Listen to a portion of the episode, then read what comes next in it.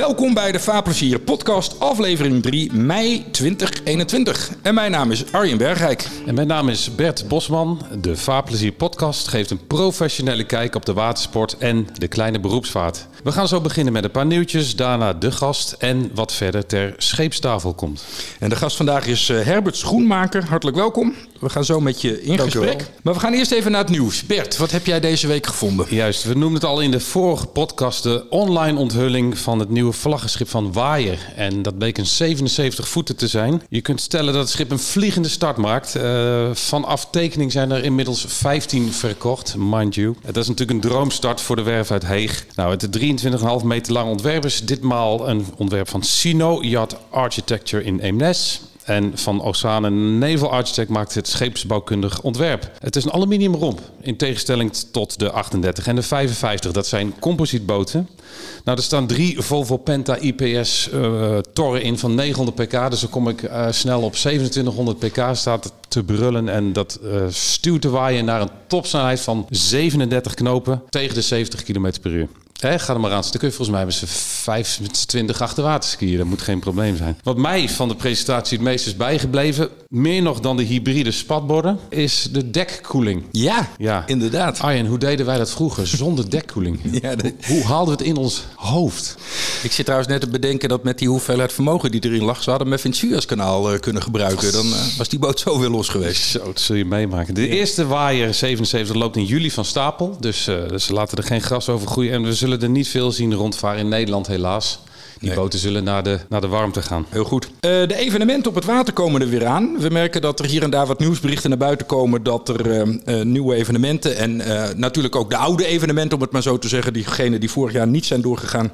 Voor dit jaar hier en daar wel weer op stapel staan. Nou, daar heb ik eerlijk gezegd wel weer zin in. Ik ben wel weer toe aan op een stijger lopen en wat bootjes kijken en dat soort dingen. Ja, leuk hè? Ja, het lijkt er bijvoorbeeld op dat de Heerswaard te water doorgaat. We hebben binnenkort Arjen Rahuze te gast in de podcast. Maar ja, het ziet er toch wel heel serieus uit. Ze zijn het in geval goed aan het voorbereiden. En deze week meldde ook het Dutch Wooden Boat Festival... dat ze ervan uitgaan dat ze het festival in Den Helder in september kunnen organiseren. En dan ook de beroemde Kustzeilers 24-uursrace staat weer op het programma. Ja, leuk. Klaas-Jan Kroon, de voorzitter van het 24-uurscomité, meldt dat ze in principe gaan we op vrijdagavond 27 augustus van start. De voorbereidingen zijn in volle gang. En daar willen we wat meer van weten, dus we gaan eens even kijken of we Klaas-Jan aan de telefoon kunnen krijgen. Synchroon, hele goedemiddag. Klaas-Jan, goedemiddag met Arjen van de Vaarplezier podcast. Hey, goeiedag, hallo. Goedemiddag, hoe gaat het? Heel fijn. Nou, we hebben deze week goed nieuws eh, gelezen over jullie. Want wij lazen dat uh, de bedoeling is dat de 24 uur zeilrace dit jaar weer doorgaat. Ja, dat, uh, dat, dat heb je goed gelezen, ja. Daar is, daar is natuurlijk wel wat aan vooraf gegaan. Hè. Wat waren voor jullie overwegingen om, om, om de beslissing nu te nemen dat jullie denken dat het door kan gaan eind augustus?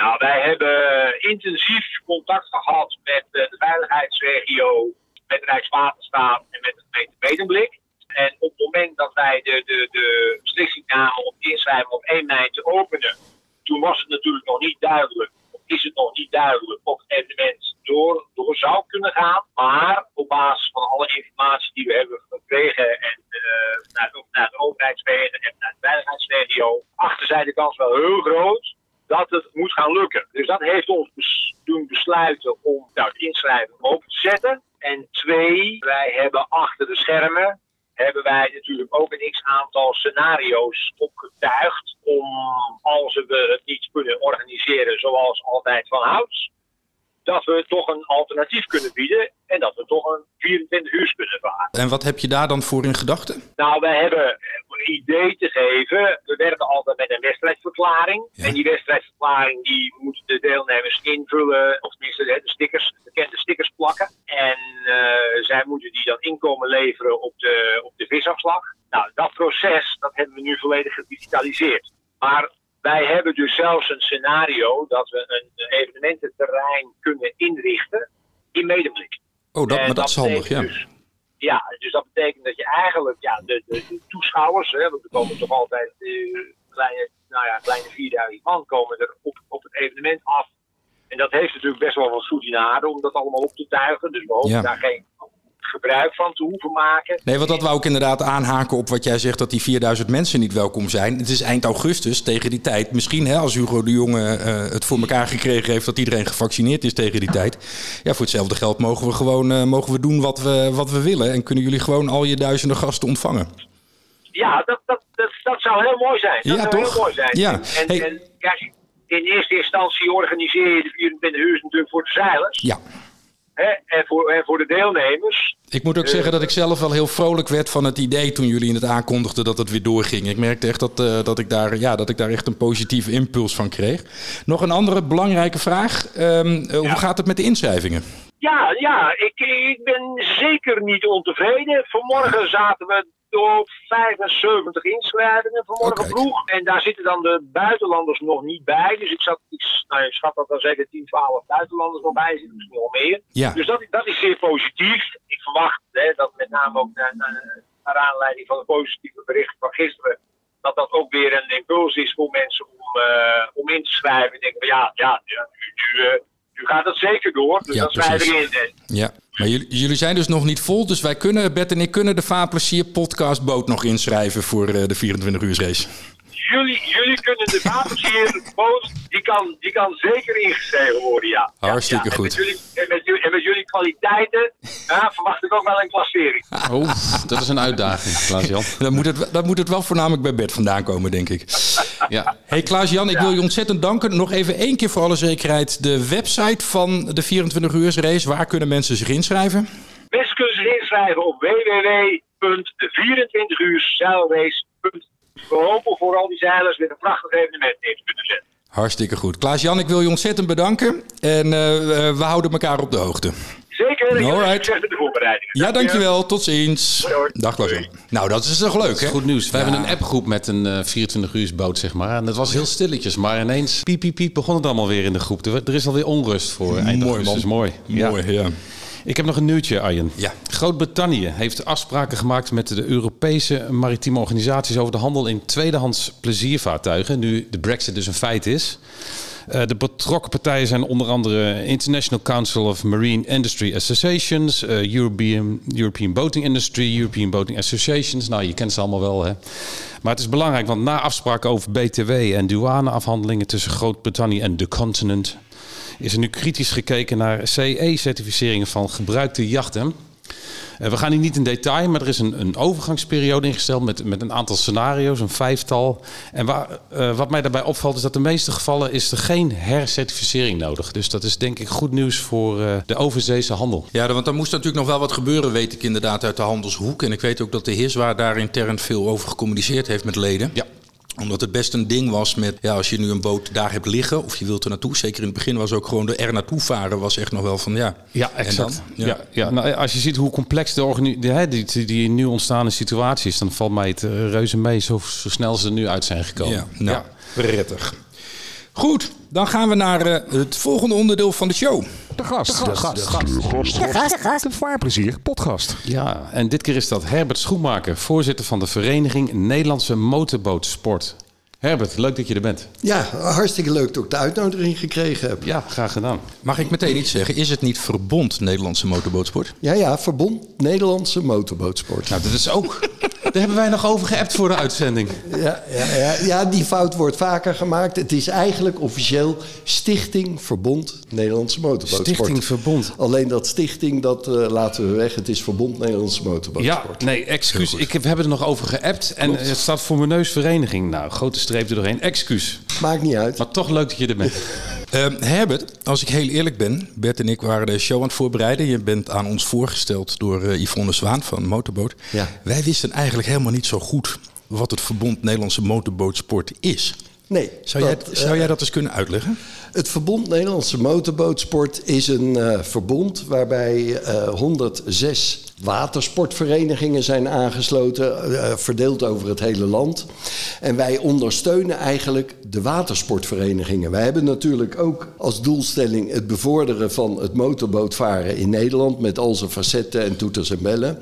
Maar wij ondersteunen zelf eigenlijk die verenigingen, zodat die verenigingen weer hun leden kunnen ondersteunen met het varen. En dat kan eh, in de zin zijn van uh, belangenbehartiging, waar we in allerlei regio's zitten op het moment dat er uh, problemen zijn met sluizen, afsluitingen, noem maar op. Daar zitten we in allerlei overleggroepen. En zeg maar, de verenigingen die ondersteunen we in de zin dat we de besturen ondersteunen bij hun dagelijks besturen van hun vereniging. Er komt zo ontzettend veel wetgeving en toestanden bij die, uh, bij die verenigingen op af.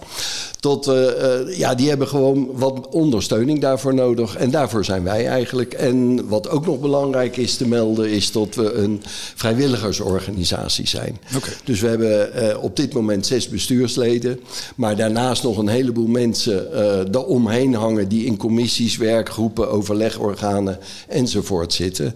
En we hebben ook contacten internationaal. Denk aan de EBA, Deutsche Motorjachtverband, de Vlaamse Vereniging voor de Water watersport, dat soort mensen. Als ik het dus goed begrijp, worden niet mensen lid van het Verbond Nederlandse Motorsportsport, maar verenigingen. Ja, ja, de verenigingen die worden inderdaad lid van het verbond. Ja. Een gewone watersporter kan bij ons geen lid worden. Nee, precies. En wat is dan het verschil tussen jullie en het Watersportverbond? Want ik weet dat er ook verenigingen lid zijn van het Watersportverbond. Klopt. De taart is een beetje in tweeën verdeeld. Een deel is lid van het Watersportverbond, een deel is lid van het VNM. En een veelste groot deel, en dat wil ik echt benadrukken, is nergens lid van. Okay. En dat is belangrijk om uh, die mensen te motiveren om wel lid uh, te worden van een van beide verbonden. Omdat Beide verbonden zitten in allerlei overlegorganen. Wij doen heel erg ons best om alles zo goed mogelijk te laten verlopen voor die watersporter. En dan is het zonde als zoveel verenigingen geen lid zijn die wel profiteren van ons werk. En daarnaast uh, klinkt het natuurlijk beter als je zegt... we hebben het Watersportverbond, die heeft, ik meen een 150 verenigingen of 180, dat weet ik niet exact. Maar het klinkt natuurlijk veel beter als je zegt... joh, we hebben met elkaar 200.000 uh, watersporters die we vertegenwoordigen...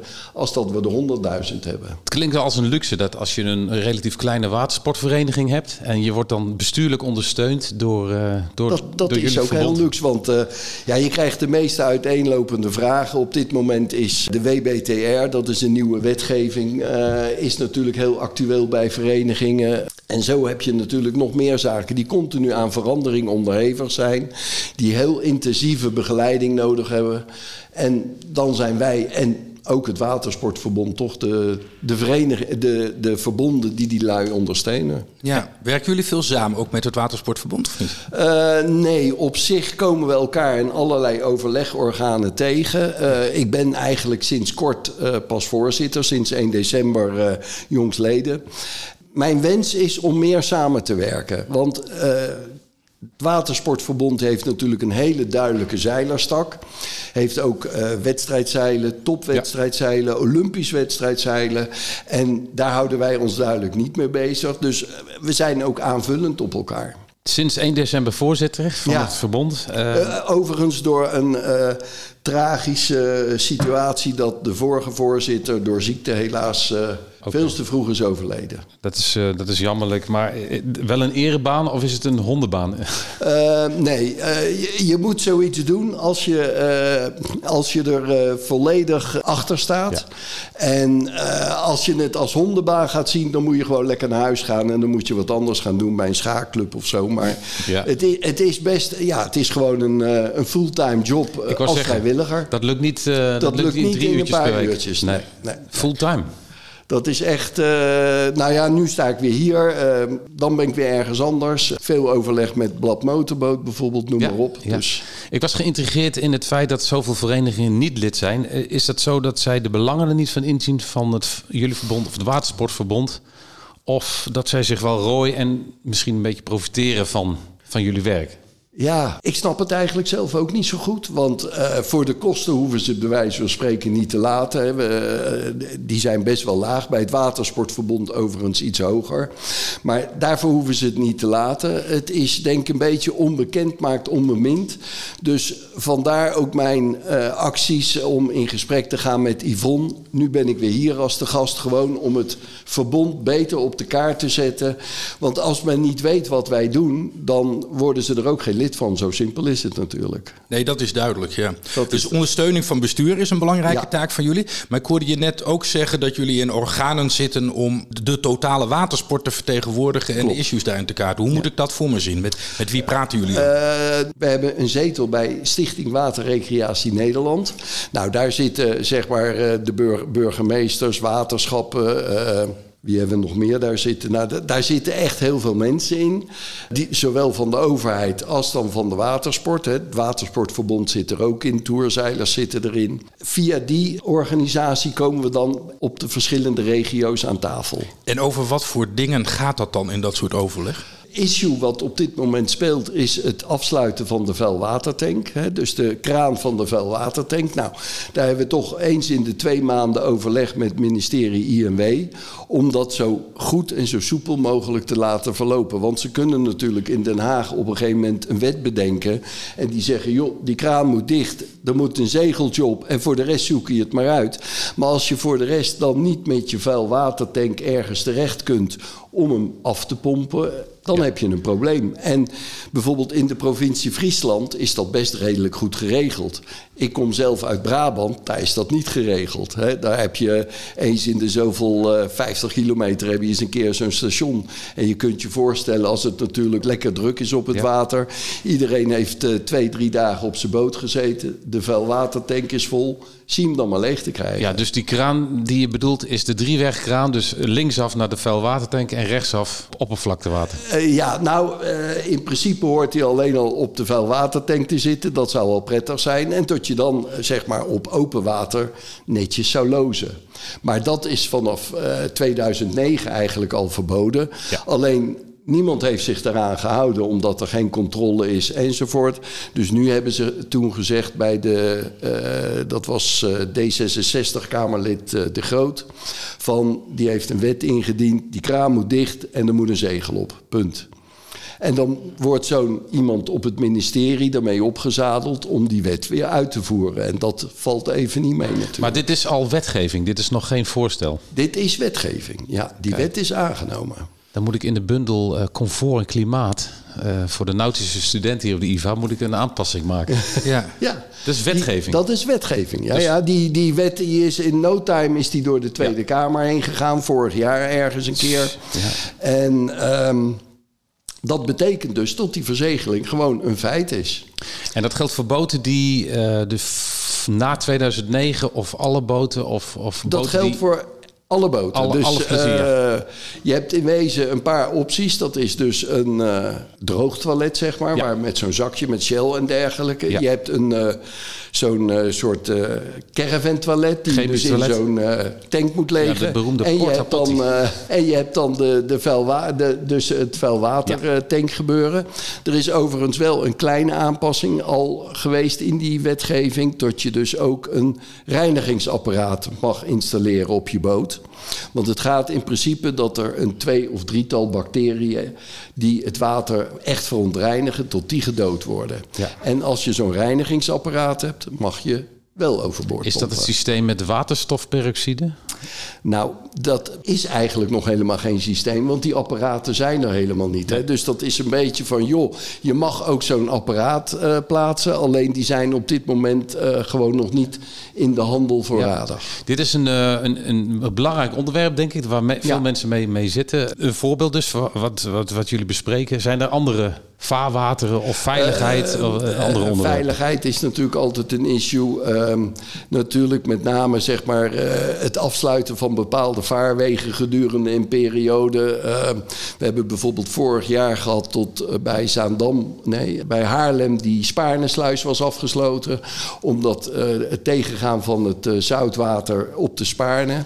Nou ja, dan zitten we toch aan tafel om ervoor te zorgen dat die sluis weer zo snel mogelijk open gaat. En zo zijn er tig voorbeelden eh, te noemen. Denk aan waterplanten, ook zo'n eh, aardig onderwerp waar eh, de 24 race straks aardig mee weer eh, last van heeft. Reken maar, ja. Ik, ik, ik maak me zo'n voorstelling van een, een, een burgemeester heeft lokale belangen. Ja. Eh, jullie hebben meer misschien nationale belangen. Is daar, zit daar soms een beetje frictie in? Nou, nee, want Die indruk heb ik niet. Ik bedoel, uh, dat laat ik zeggen, de overheid er meestal iets anders over denkt als de watersporter. Dat mag duidelijk zijn. Maar we proberen wel daar bij Stichting Waterrecreatie Nederland altijd tot een uh, consensus te komen. Ja. Wat zouden jullie meer kunnen doen als je veel meer aangesloten verenigingen zou hebben? Wat zou dat voor effect hebben? Nou, dan eh, zouden we iets meer financiële middelen hebben om bepaalde acties te doen. Of uh, ja, kijk, wij zijn niet van uh, de boeren die op een tractor stappen en naar Den Haag varen, om het dan maar zo te zeggen. Maar dan zouden we gewoon wat meer mogelijkheden hebben om op nog meer plaatsen mensen te plaatsen. En zichtbaar te zijn. En zichtbaar te zijn uh, voor de overheid. En ja. uh, op de juiste momenten aan de juiste tafel zitten. Dat is waar het om draait ja. altijd. En heb jij het gevoel dat dat heel erg nodig is? Dat de overheid ja. echt partijen nodig heeft die tegen zeggen... jongens, als watersport zo belangrijk, we hebben... Uh, dat denk ik wel, ja, dat weet ik eigenlijk wel zeker. Tot dat heel belangrijk is. Ja. De, de overheid die zit toch een beetje vanuit Den Haag dat aan te sturen. En dan komen er natuurlijk best wel vaak de belangen van de gewone watersporter. Hè, die met zijn motorbootje vaart. En of dat dan een, een doerak is van 6,5 meter of een prachtig, uh, hoe heette dat, waaier, waaier uh, 77. van, uh, van 77 voet. Die hebben allemaal in wezen dezelfde problemen. Ja. ja. Uh, en we, wij richten ons toch op die kleine, of op die verenigingen waar veel dan die doerakjes van 6,5 meter uh, zonder één nadelig woord van doerak nee, natuurlijk te zetten. Maar het is gewoon een aansprekend voorbeeld. Ik, ik, ja. ik, ik introduceerde doerak bij mijn studenten als de grote...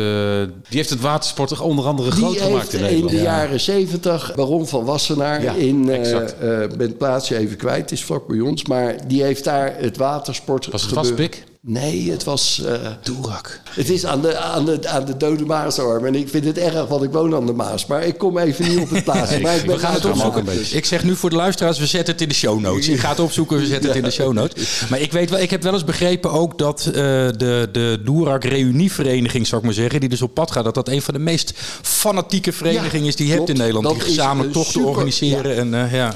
Dat is echt een, een super enthousiaste vereniging. Ik meen dat ze iets van 800 of 900 leden hebben. En ja, zoals die mensen met liefde hun boot uh, in de vaart houden, is gewoon geweldig. Ja. Dus dat, dat zijn wat mij betreft ook de ja, echte, echte watersporters. Hey, want als ik, als ik kijk naar mijn IVA-studenten, ik denk dat uh, twee derde, drie kwart motorbootvaders zijn. Maar dan wel snelle, veelal snelle boten. Dus misschien de leeftijd, ik weet ja, het niet. Dat, dat, ja. En als ik bij jullie uh, op de site kijk, sowieso op het water, motorboten, kruisers... dan ga je toch gauw naar de 60 plus, misschien nog wel meer. Is dat... Ervaren jullie dat als een, een, een, een item, iets wat je moet bespreken, dat, dat het eigenaar dat het vergrijst? Of is het juist een, een, een uitdaging of een, een mogelijkheid? Het vergrijst heel erg. Dat, is, uh, dat zien we uh, gewoon bij alle verenigingen. Dat hoor je ook bij de bezoeken die ik doe aan, aan voorzitters van verenigingen dat ze er tegenaan lopen dat er steeds uh, dat ze ouder worden. Dus het is ook gewoon zaak dat er jonge aanwas komt. En door die corona heb je natuurlijk kunnen we heel kort en krachtig in zijn. Heb je veel aanwas van nieuwe vaarders die duidelijk ook jonger zijn. En op een gegeven moment, als een sloepje heel goed bevalt, waarom zou je dan niet een slagje groter kopen op een gegeven moment? Ja. En dat is voor die watersportverenigingen ook belangrijk dat ze op die manier kunnen blijven bestaan. Want ja, die, die 65 plus wordt 75 plus, wordt 80 plus en dan stopt hij ermee. Ja. Dat houdt een keertje op, ja. En we proberen ook zeg maar in ons najaarsprogramma, daar willen we uh, zeg maar naar drie, in drie regio's willen we bijeenkomsten houden. En daar willen we ook uh, ideeën die de sommige watersportverenigingen ontwikkelen, gewoon breed uit promoten. Want dat kunnen best hele goede ideeën ja. zijn. Zo hoorde ik van een voorzitter van uh, de watersportvereniging Alf in Alfa aan de Rijn. Die, daar, daar lagen een paar mensen die, laten we zeggen, 80 waren, die gewoon heel uh, slechte been waren, die niet meer zo goed konden varen. Ze hebben uit Alphen gewoon uh, gezinnen gezocht die het leuk vinden om te gaan varen.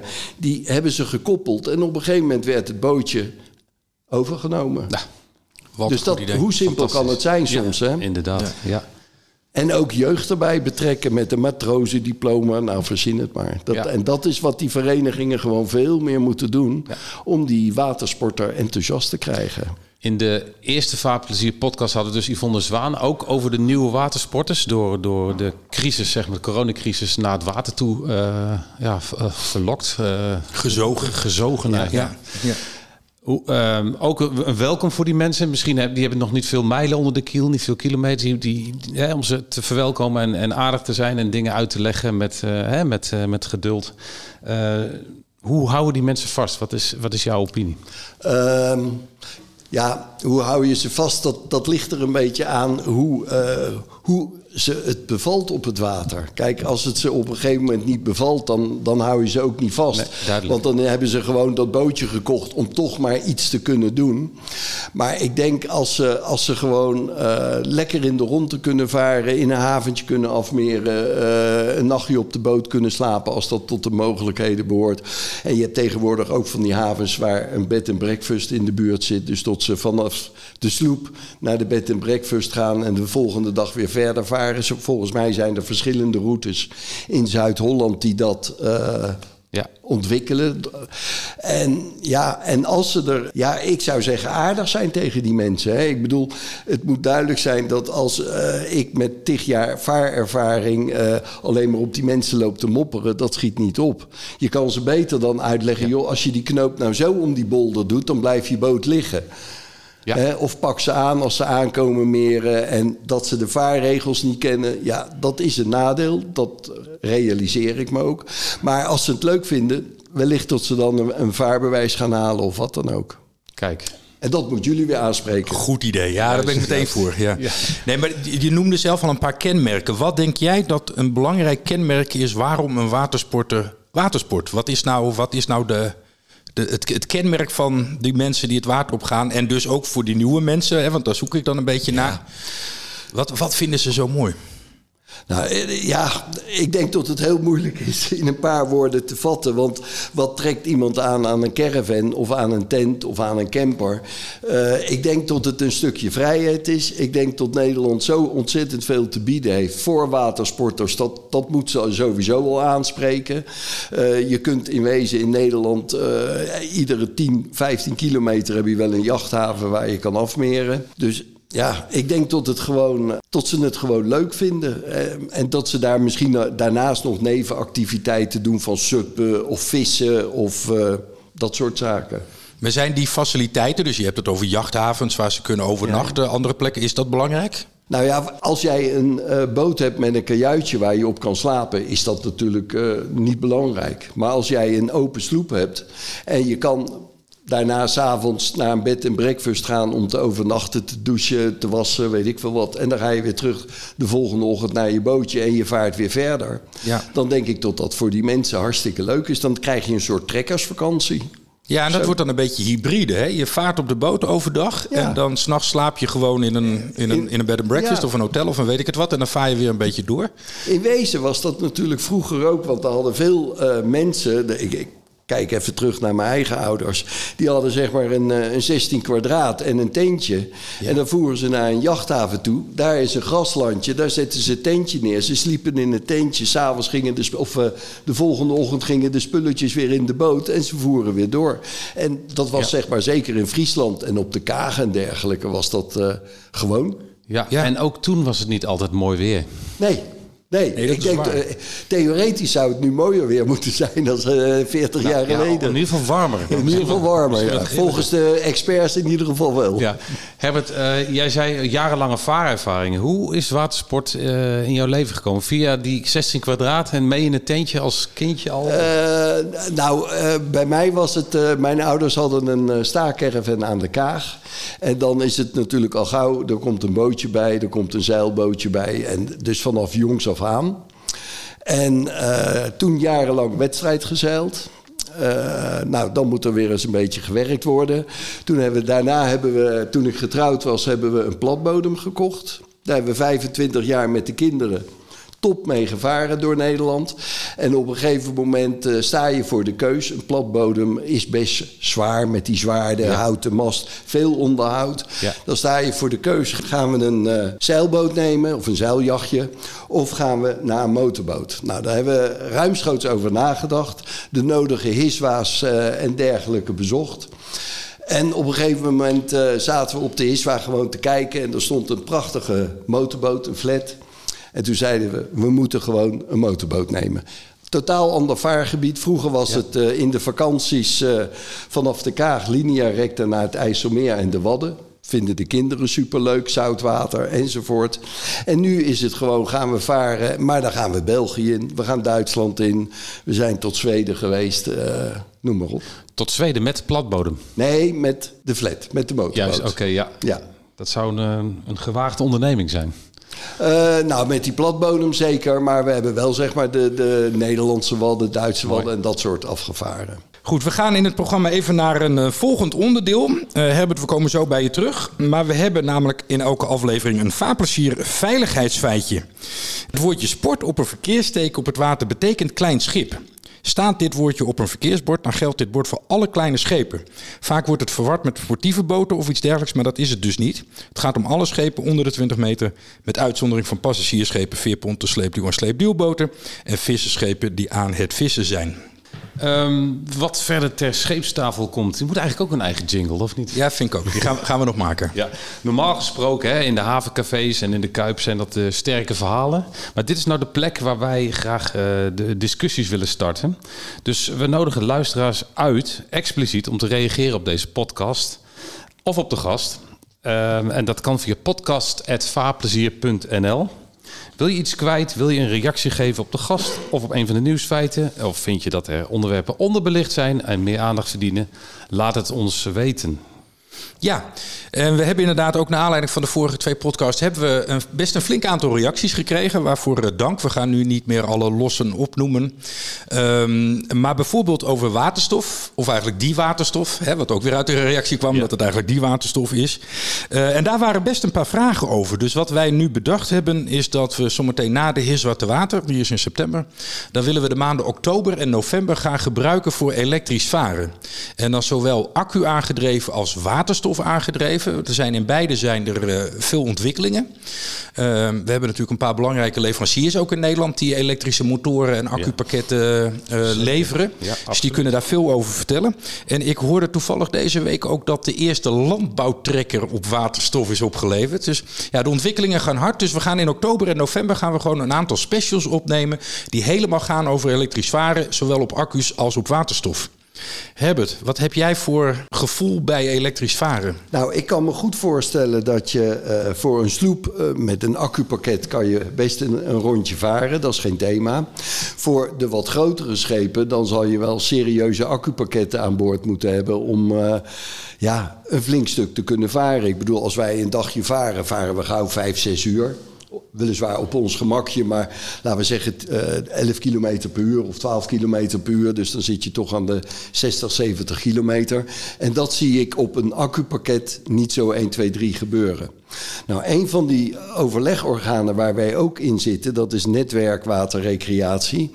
Uh, daar is een technische groep bezig met het uitvogelen van het uh, elektrisch varen, dan wel het varen op waterstof. Een van onze commissieleden, Alexander Hablee, dat is iemand die op de TU in Delft uh, heeft gewerkt.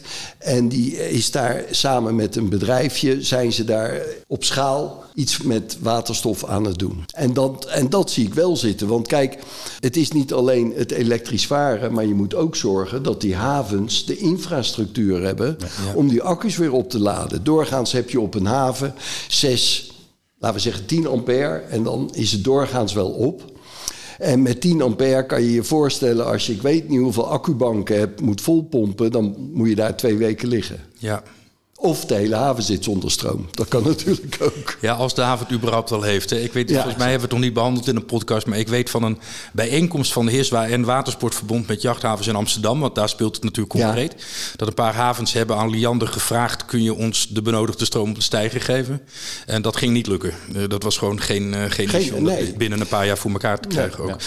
Dus dan is, zou waterstof zou een mooie aanvulling zijn. Dat is echt, daar zie ik ook. Ik denk dat dat hybride varen, uh, dat elektrisch varen zeggen, totdat er een soort tussenfase is naar het waterstof gebeuren. Voor mijn gevoel in verband met de grotere boten. Hè? Want de, de, kijk, we hebben natuurlijk, uh, weet ik veel, honderdduizend uh, kleine bootjes, maar we hebben veel meer grotere schepen. Ja. En ja, die zitten dan gewoon halverwege de vaardag eh, op een droogje, Ja, laat ik het ja. zo maar zeggen. Dan moeten ze gaan ankeren. Maar ja, dat schiet ook niet op. Nou, misschien is het goed voor de pedalverkoop. Ja, dat zou kunnen. Ja, ja, ja, dat mensen weer pedals meenemen. En ankers. Nee, maar een van de dingen is dus ook waar we het goed over moeten hebben, is de definities. Want daar hebben Bert en ik het ook over gehad. Want we zeggen nu elektrisch varen en waterstof varen. Maar eigenlijk is waterstof varen natuurlijk ook elektrisch varen. Ja. Je haalt het alleen niet uit een accu, maar je drijft wel een elektrische motor aan. dat klopt. En ik weet, er is nu in de binnenvaart, daar heb ik ook zijdelings wat mee te maken, is er een mooi eh, pilotproject. Daar hebben we een paar containerschepen, die zijn volledig elektrisch gemotoriseerd. En die hebben één vaste containerplek. Daar staan nu accu's in. En die kunnen ze eraf zetten en dan krijgen ze een ander pakket met nieuwe accu's aan boord. Maar daar kunnen ze ook heel makkelijk een container met een waterstofcel en waterstofvoorraad inzetten.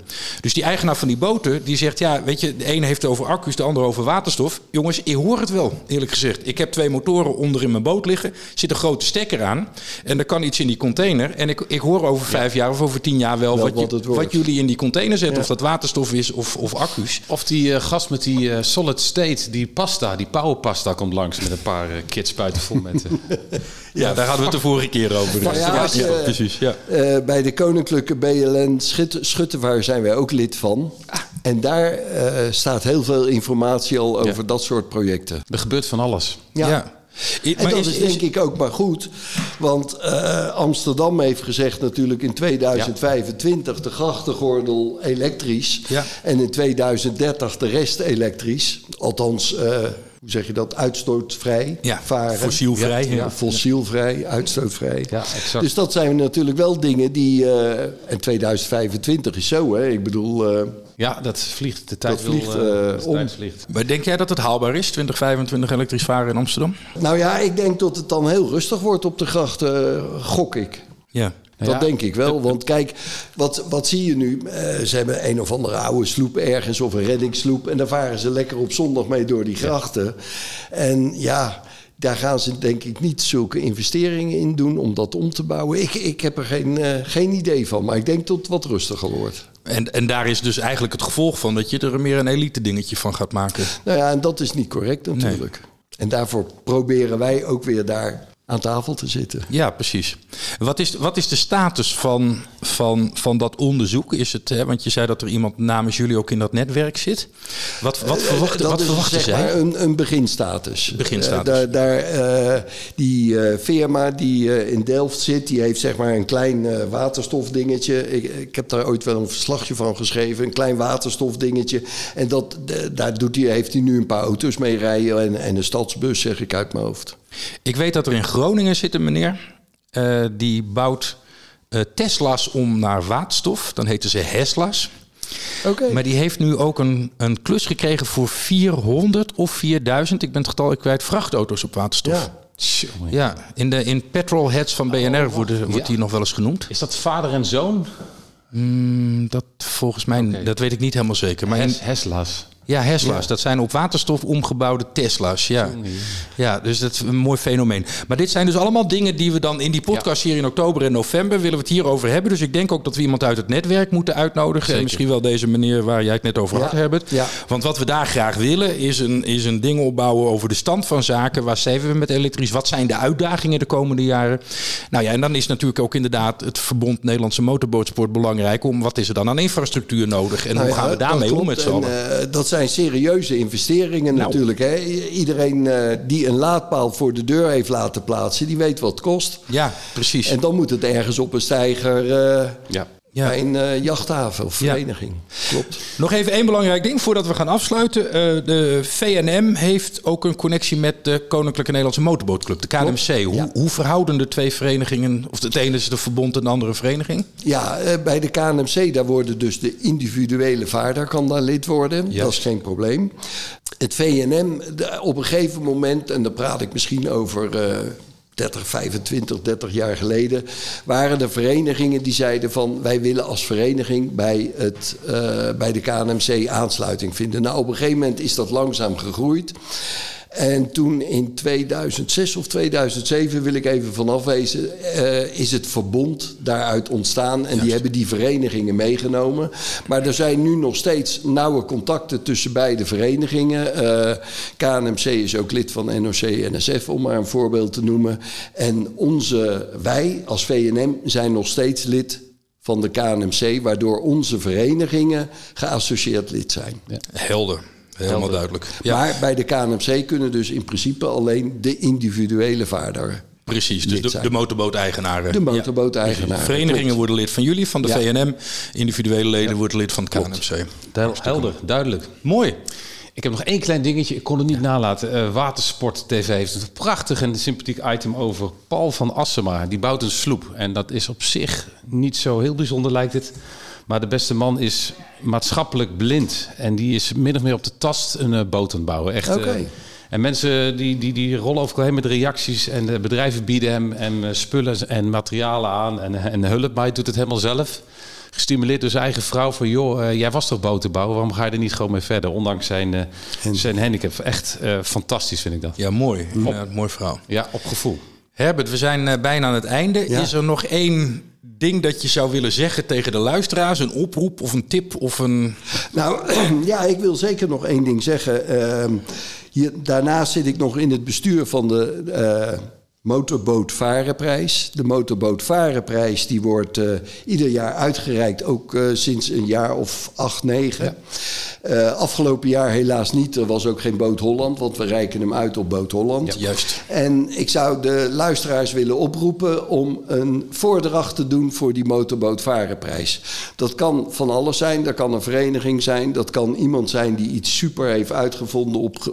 Als het maar met watersport te maken heeft. En eh, op www.motorbootvarenprijs.nl kunnen ze een voordrachtformulier invullen. En met de reden waarom ze hem voordragen. Een voorbeeldje, de Doura Club is het, eh, om maar iets te zeggen, is het geweest. De turfroute in het noorden is het eh, geweest. En en eh, Stichting Vaarwind zeg ik uit mijn hoofd. Er zijn in ieder geval al eh, op de site te zien welke verenigingen in het verleden of stichtingen of wat dan ook in het verleden al die prijs hebben gekregen. Dus ik zou iedereen willen oproepen: heb je een, eh, een goede voordracht, doe die. Want hoe meer voordrachten, hoe beter het eh, neergezet wordt. Motorboot Varenprijs. www.motorbootvarenprijs.nl Helder. Hij komt in de show notes ook. Helder, ja. Herbert Schoenmaker van het Verbond Nederlands Motorboot Sport. Dank voor je aanwezigheid. Ja, jullie eh, nogmaals bedankt voor de uitnodiging. En het was hartstikke leuk. Dat is eh, alles is een eerste keer. Ja, hartstikke goed. Wederzijds. We danken ook eh, Benno Hendricks voor eh, de intromuziek en Marco Schrijver voor het sounddesign. De podcast, de Vaarplezier podcast, verschijnt elke twee weken. U kunt elke aflevering terugvinden op vaarplezier.nl. U kunt ons ook vinden op Twitter, waar we elke aflevering van het Vaarplezier veiligheidsfeitje publiceren. En overigens hebben we de volgende aflevering Edward Switzer van de KNRM te gast. En daar verheug ik me enorm Ja, op. Want. Edward kan ons verstelbaar mooi vertellen over het werk en de achtergronden van de KNRM. Dus hebt u vragen aan hem, wilt u iets weten over de KNRM, dan kunt u eh, dat ons mailen. Ja, en wil je nooit een aflevering missen, dan kun je abonneren op de podcast in bijvoorbeeld Spotify, Apple Podcast of elke andere podcastplayer. En nogmaals, vragen, suggesties, opmerkingen, verbeteringen, podcast.vaarplezier.nl. Zo is dat. Voor nu hartelijk dank. Zijn naam is Bert Borsman. En zijn naam is Arjen Bergijk. Tot de volgende Vaarplezier podcast.